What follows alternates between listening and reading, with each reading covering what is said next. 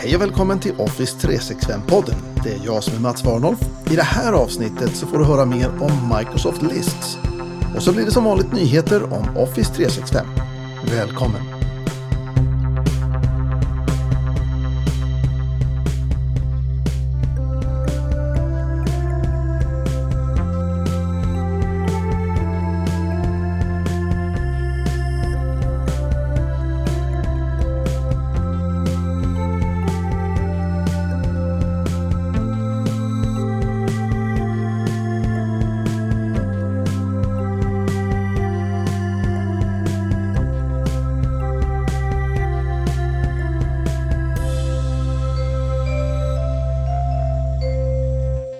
Jag vet många som älskar Excel i onödan. Ja, missförstå mig rätt, jag älskar ju också Excel, men jag vet många som älskar Excel av fel anledning. Excel kan mycket. Den är en fena på att räkna och låta oss vända och vrida på data. Vi kan göra diagram och komplicerade uträkningar. I mitt tidigare liv som pre-sales-tekniker så användes Excel som prislista och orderformulär och jag vet inte vad. Och man kan använda Excel till allt det där. Det går till och med bra att göra det. Men jag tycker att det finns dåliga sätt att använda Excel också. Att använda Excel för att lagra en lista i är ett sånt dåligt sätt att använda Excel. Särskilt om vi är fler som ska använda listan. Eller kanske till och med hålla listan uppdaterad.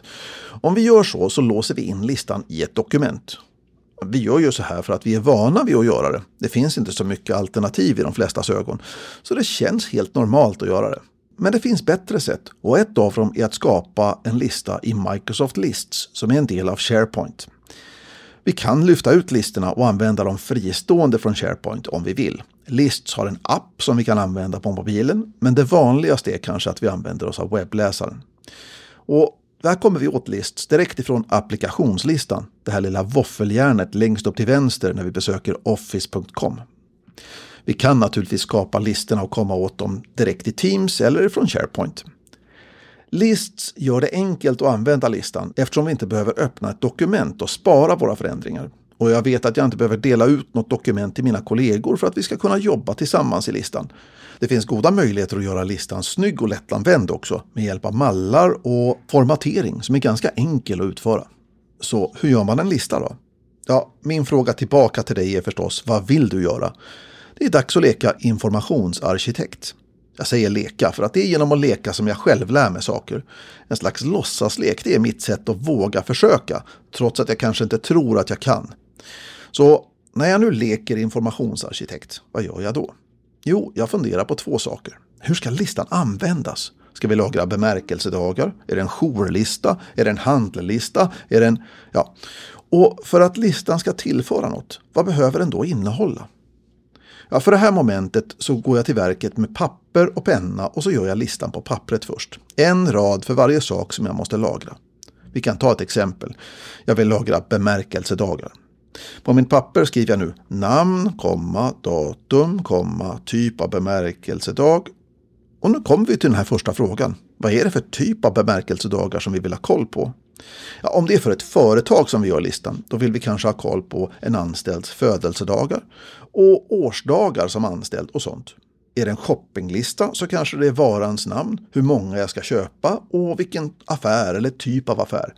Och i och med att jag har lagrat typ av affär så kan jag ju faktiskt sortera listan så jag kan fokusera på matvaror i matbutiken, på dryckesvaror på systemet, på teknik på Kjell Company eller vad jag nu vill. Och i och med det så har jag anpassat min arkitektur efter hur listan ska användas och hur vi underlättar användningen. Hur ser vi till att folk använder den då? Ja, först måste vi naturligtvis klura ut vilka som ska använda listan. Både vilka som ska skriva i den och vilka som ska konsumera innehållet som vi säger, det vill säga läsa och använda listan. Med andra ord så måste jag reda ut arbetsprocessen runt den här listan. Med den informationen så kan jag klura ut var jag ska skapa den. En lista kan vara personlig så bara jag kommer åt den, men jag kan också dela en personlig lista precis som jag kan dela en fil. Men om det faktiskt redan från början är en lista för en arbetsgrupp eller en avdelning, ja, då ska jag såklart skapa listan på rätt ställe, kanske direkt i teamet eller på SharePoint-sajten. En annan sak som Excel och listor har gemensamt är möjligheten att skapa vyer över data. Man gör det på lite olika sätt. I Excel då kan vi ha flera olika blad i arbetsboken som refererar till samma data. Men varje blad formaterar och filtrerar datat lite olika. I Microsoft Lists, ja, där kan du skapa vyer och det åstadkommer samma sak. Vyerna kan se helt olika ut och i och med formateringsmöjligheterna i Lists så kan vi anpassa utseendet efter hur arbetsprocessen ser ut. Jag kan göra det lätt att jämföra olika rader med varandra och lätt att hitta det som sticker ut. Det här kallas för villkorsstyrd formatering och det är ett annat arv ifrån tabeller i Excel. Det finns exempel på formateringar som är färdiga att använda i Lists. Och det är superlätt att använda dem. Vill jag ha en annan formatering, ja då kan jag hitta andra exempel på internet. Till exempel kan du hitta dem på GitHub. Du hittar dit med länken varnolf.link lists. Och på den sajten så finns det exempel på både kolumner och formulär och vyer över datat. Färdiga anpassningar som vi kan plocka in. Och är det så att du förstår och kan redigera JSON eller JavaScript Object Notation som det egentligen står för, ja, då kan du faktiskt skriva dina helt egna formateringar eller modifiera de här befintliga förslagen. Det här gör Lists oerhört mycket mer anpassningsbart än Excel. En annan vattendelare, det är säkerheten. Vi kan sätta behörigheter på radnivå i en lista. Och på det sättet så kan vi styra vem som får redigera vad. Den möjligheten har vi inte alls i Excel. Här ligger behörigheten på dokumentnivå. Om jag får läsa dokumentet så får jag läsa alla raderna. Får jag redigera dokumentet, ja då kan jag skapa nya rader, redigera rader och radera rader precis som jag vill. Tyvärr kan vi inte sätta behörigheter på kolumnnivå. Det hade gjort Microsoft Lists mycket, mycket bättre. Men radnivå, helt okej. Okay. Vi har också automation i Lists. De här kallas regler. När en lista ändras på något sätt så kan vi använda det för att trigga igång automation. Och i det här enkla fallet med just regler i lists så kan vi notifiera någon med ett mail när en rad läggs till eller tas bort, eller när en kolumn ändras, eller ett värde på en rad i en kolumn ändras. Vill vi göra mer avancerade saker än så med automation, ja då kan jag använda mig av Power Automate som är den generella automationen i Microsoft 365. SharePoint-connectorn där har en trigger som reagerar på förändringar i en lista. Finns det något som Lists inte är bra på? Ja, det finns det såklart. Lists är jättebra för att lagra data, men det är inte en relationsdatabas. Även om det finns en möjlighet att använda en fälttyp som heter lookup, där vi kan titta på innehållet i en annan lista, så är Lists inte en ersättning för en traditionell databas. Se hellre List som ett bättre alternativ än att lägga en tabell i ett dokument. Nästa gång du vill göra en lista, testa att skapa den i Lists först. Och på det sättet så gör du informationen direkt tillgänglig och inte gömd in i ett dokument. Och om du redan har en massa listor i Excel, ja då kan du testa att importera dem till Lists. Gå till Lists och välj att skapa en ny lista. Då får du alternativet att importera från Excel. Testa bara. Vad har du förlora? Microsoft Lists har en desktop-app för Windows och Mac och mobilklienter för iOS och Android och du hittar den förstås på office.com.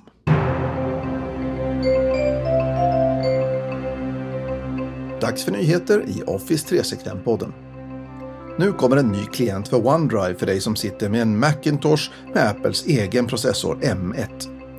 I mitten av februari rullar Microsoft ut den nya uppdateringen och senast i mitten av mars så bör den ha landat på din Mac. Med den här uppdateringen så drar OneDrive mindre ström och batteri och belastar din Mac mycket mindre än tidigare versioner har gjort. En ny påminnelse om att saker och ting ibland byter plats och ibland ändrar utseende får vi idag. Den här gången handlar det om dokumentbiblioteken i OneDrive och SharePoint. Om du har mer än ett dokumentbibliotek på en SharePoint-sajt så kan det ibland vara ett visst navigerande när vi ska hitta rätt dokumentbibliotek för en typ av dokument. Det här är en av de här sakerna som den här nya drop-down-menyn, eller rullgardinsmenyn som det egentligen heter på svenska, ska fixa. Med hjälp av den så kan vi hoppa mellan olika dokumentbibliotek på samma sajt på ett mycket enkelt sätt. Och om du istället går till din OneDrive på webben så har du en lista i menyn till vänster med teamsajter som du är en del av. Klickar du på en sajt så kommer du automatiskt till standarddokumentbiblioteket för den sajten men kan med hjälp av den här rullgardinsmenyn välja ett annat dokumentbibliotek utan att behöva använda sajtens navigationslänkar.